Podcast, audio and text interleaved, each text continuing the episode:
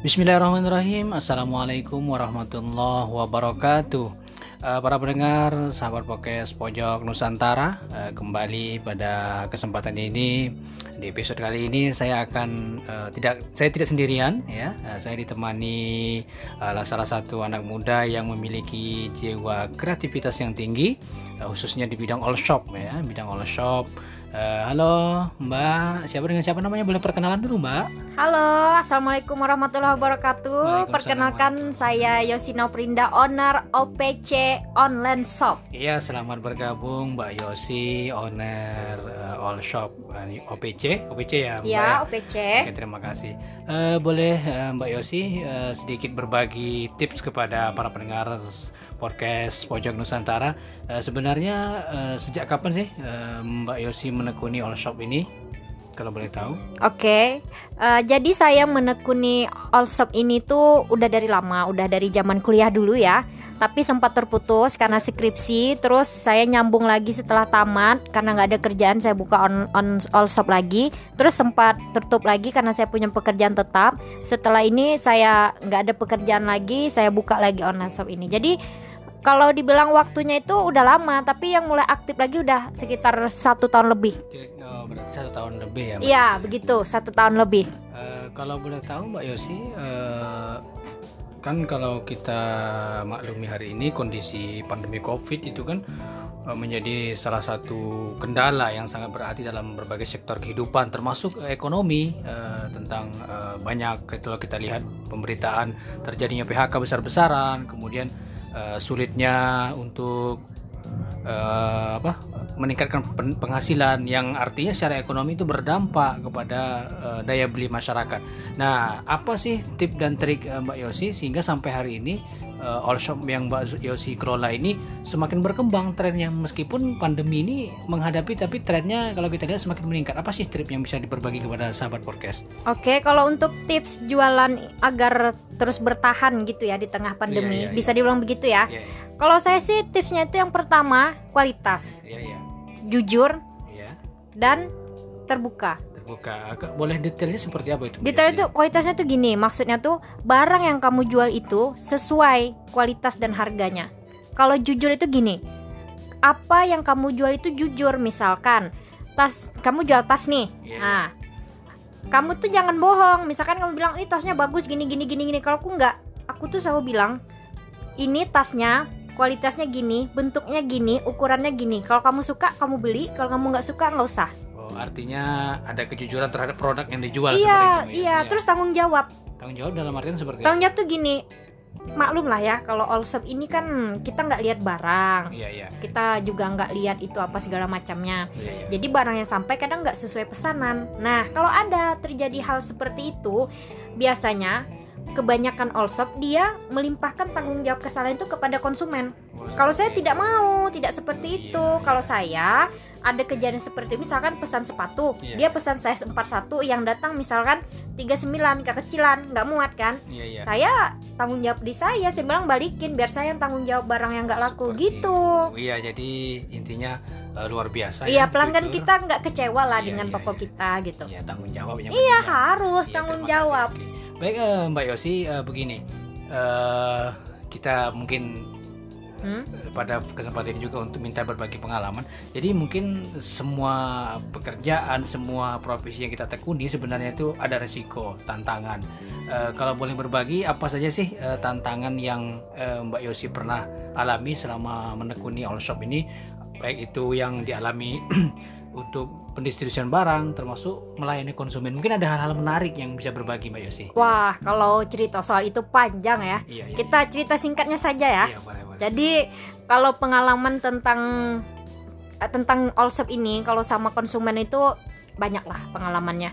Iya. pertama kadang mereka pesan barang iya. tapi nggak diambil pura-pura lupa. Nah barang nyetok yang tekor siapa? Kita kan? Iya, iya. nah banyak lagi. Pesan barang ini tiba-tiba yang datang ini dibilangnya kak pengen model lain.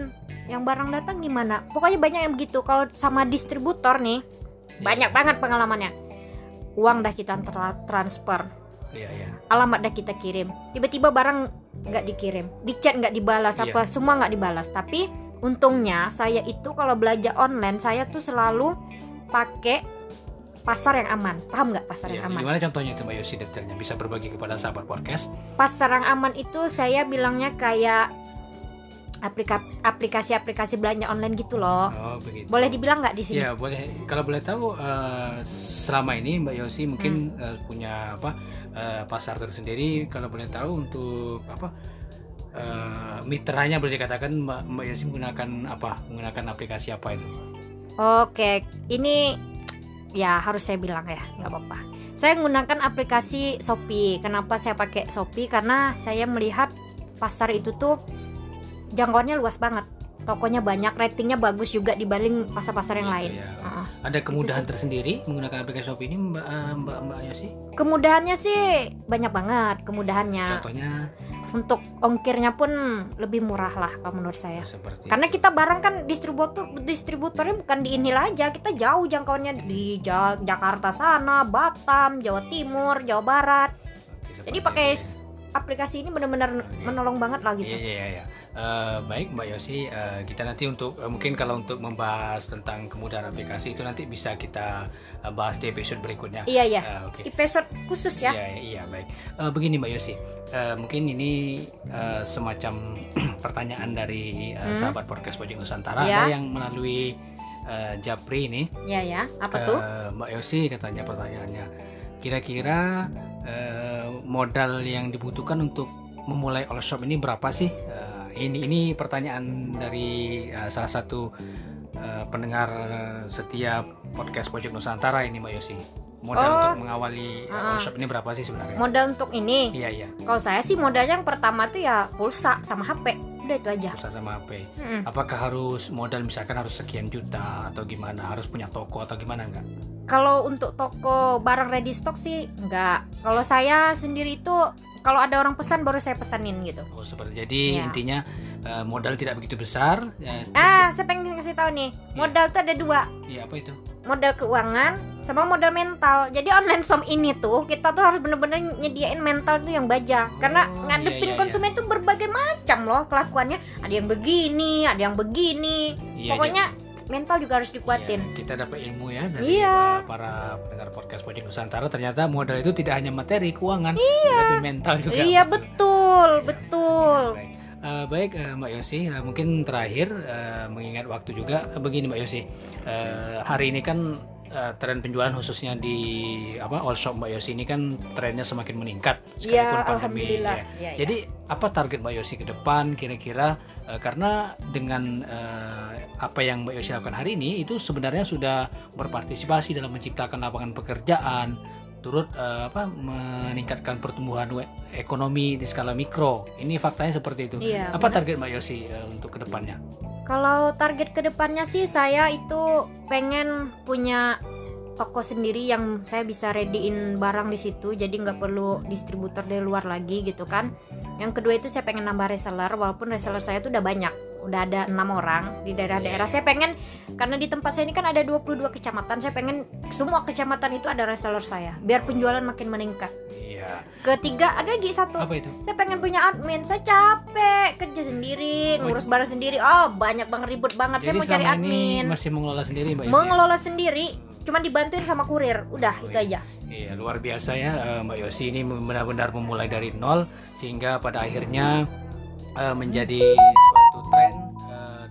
shopnya terus terus meningkat. Ya. Baik, uh, terima kasih sekali lagi Mbak Yosi uh, atas uh, kesempatan waktunya berbagi kepada para pendengar podcast Pojok Nusantara. Ya. Mudah-mudahan apa yang disampaikan ini bermanfaat untuk kita semua. Amin. Mungkin uh, Mbak Yosi ada closing statement ataupun pesan dan kesan untuk para pemula all shop untuk uh, pendengar Pojok Nusantara.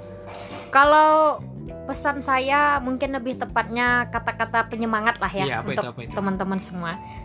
Kata-kata penyemangatnya itu adalah bahwa siang dan malam itu pasti, ya, ya. tapi rezeki tetap harus dicari. Masya Allah luar biasa ya. Terima kasih nih Mbak Yosi uh, atas uh, waktunya uh, berbagi di episode kali ini.